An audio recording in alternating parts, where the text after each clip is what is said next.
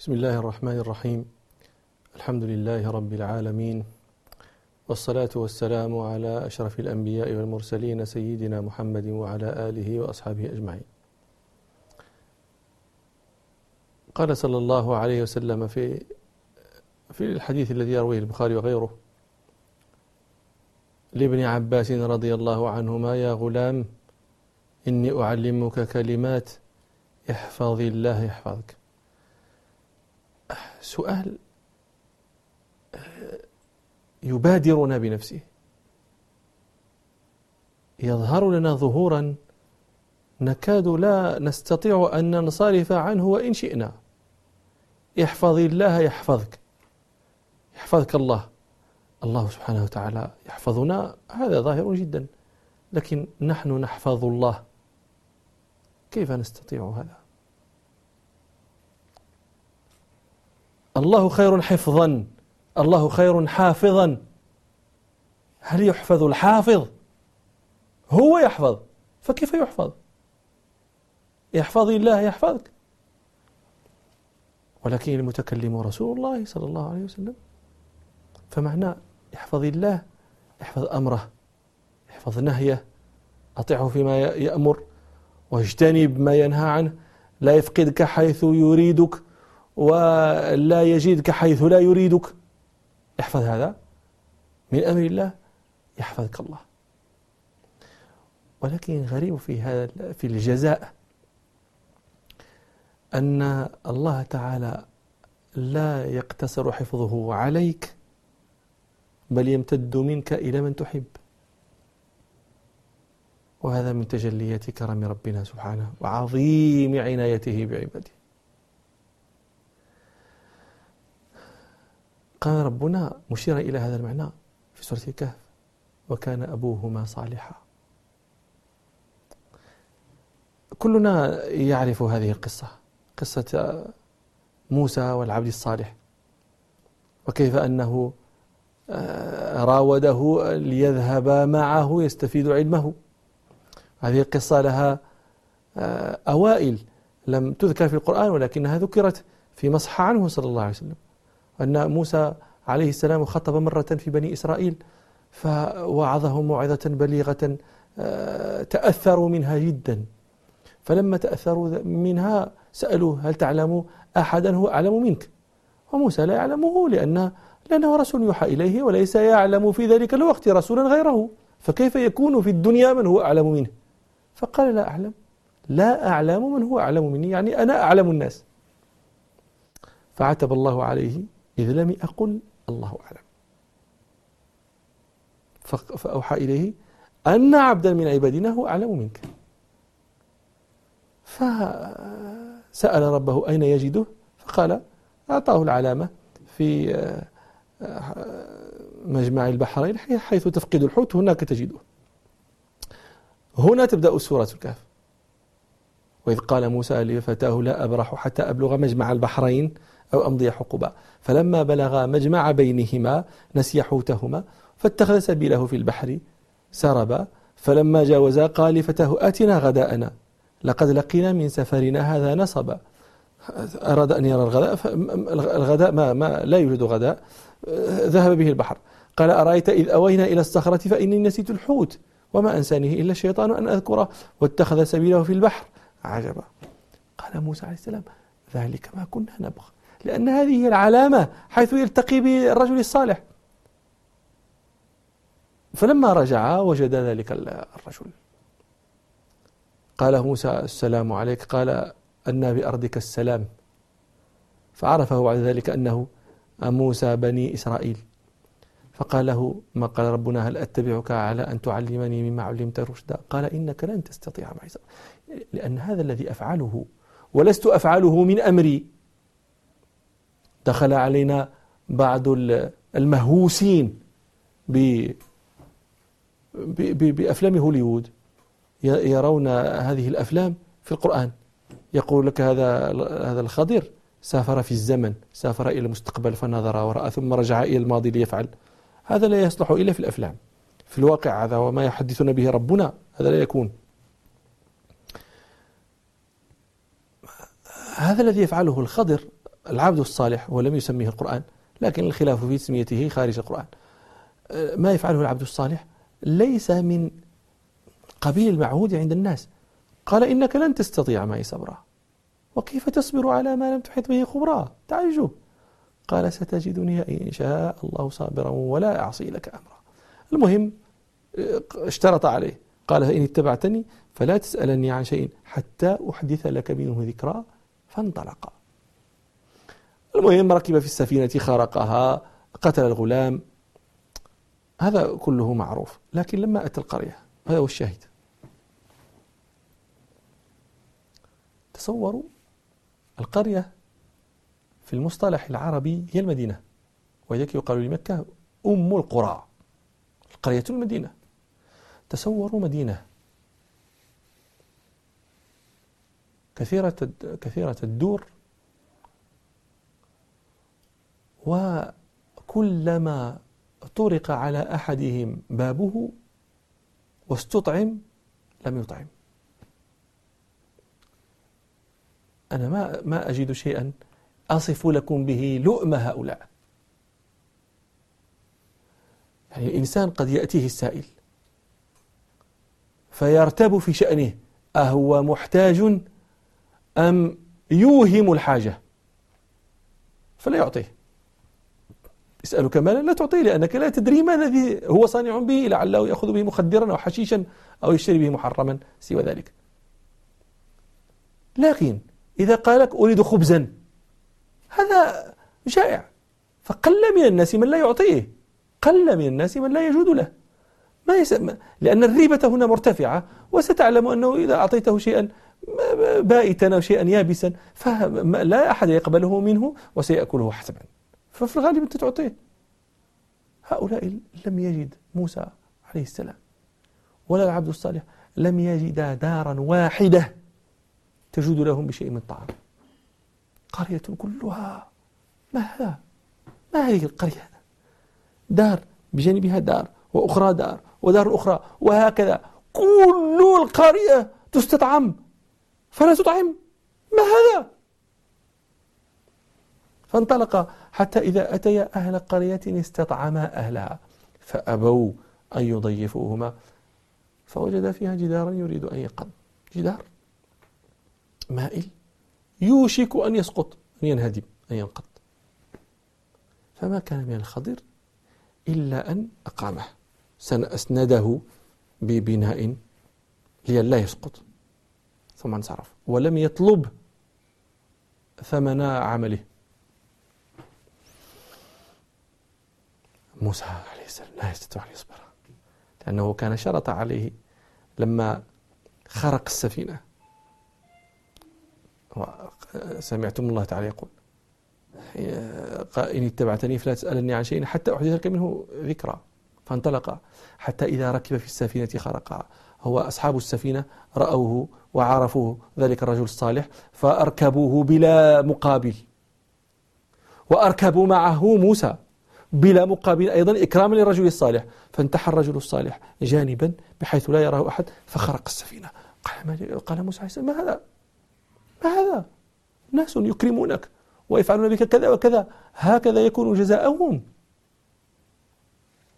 فقال الخضر ألم أقل إنك لن تستطيع معي صبرا؟ قال نسيت. لا تؤاخذني بما نسيت ولا ترهقني من أمري عسرا. فانطلق. حتى إذا لقي غلاما فقتله يا سيدي غلام يلعب مع الغلمان صبي مع الصبية. ماذا صنع هذا لتقتله؟ كيف استبحت قتله وسفك دمه؟ وهو صبي. ليفعل ما يفعل هذا صبي هذا. هو ما يجيب الخضر يجيب. يذكره بالشرط. وهذه مرة كلمة لك زائدة في الآية على المرة الأولى. ألم أقل لك في المرة الأولى ألم أقل إنك لن تستطيع معي صبرا؟ المرة الثانية ألم أقل لك إنك لن تستطيع معي صبرا؟ فموسى عليه السلام الآن بعد الآن لا عذر له. قال إن سألتك عن شيء بعدها فلا تصاحبني قد بلغت من لدني عذرا. ولن يلومك أحد أن تركت مصاحبتي. فانطلق حتى, حتى إذا أتي أهل قرية استطعما أهلها فأبوا أن يضيفوهما. فوجد فيها جدارا يريد أن ينقض فأقامه. قال لو شئت لاتخذت عليه أجرا. قرية لئام اختيروا اختيارا. ليسكن بعضهم بعضا. وطفنا على القرية كلها. نستطعمهم فلم يطعمنا أحد. وبعد ذلك تتطوع لهم بالخدمة وتنصرف. هل يفعل هذا عاقل؟ قال لو شئت لاتخذت الأجر ونحن محتاجون هذا الأجر لو, لو, لو يكون طعاما. هذا فراق بيني وبينك. سأنبئك لكن لن تذهب من غير إنباء. سأنبئك بتأويل سأفسر لك هذا الذي لم تستطع أن تصبر عليه. أما السفينة فكانت لمساكين يعملون في البحر. فأردت أن أعيبها. لماذا أردت عيبها؟ لأن كانوا يمرون على ملك ظالم. كل إذا مرت به السفينة الصالحة سيأخذها. لكن هذه السفينة المخروقة سيسل سيتركها لهم وستسلم لهم سفينتهم وإذا جاوزوا الملك سيرقع سفينتهم. إذا أنا ما أفسدت سفينتهم أنا أنقذت لهم سفينتهم من براثن الملك الظالم. وأما الغلام فكان أبواه مؤمنين فخشينا أن يرهقهما طغيانا وكفرا فأردنا أن يبدلهما ربهما خيرا منه زكاة وأقرب رحمة. كيف عرفت أنه سيفعل هذا؟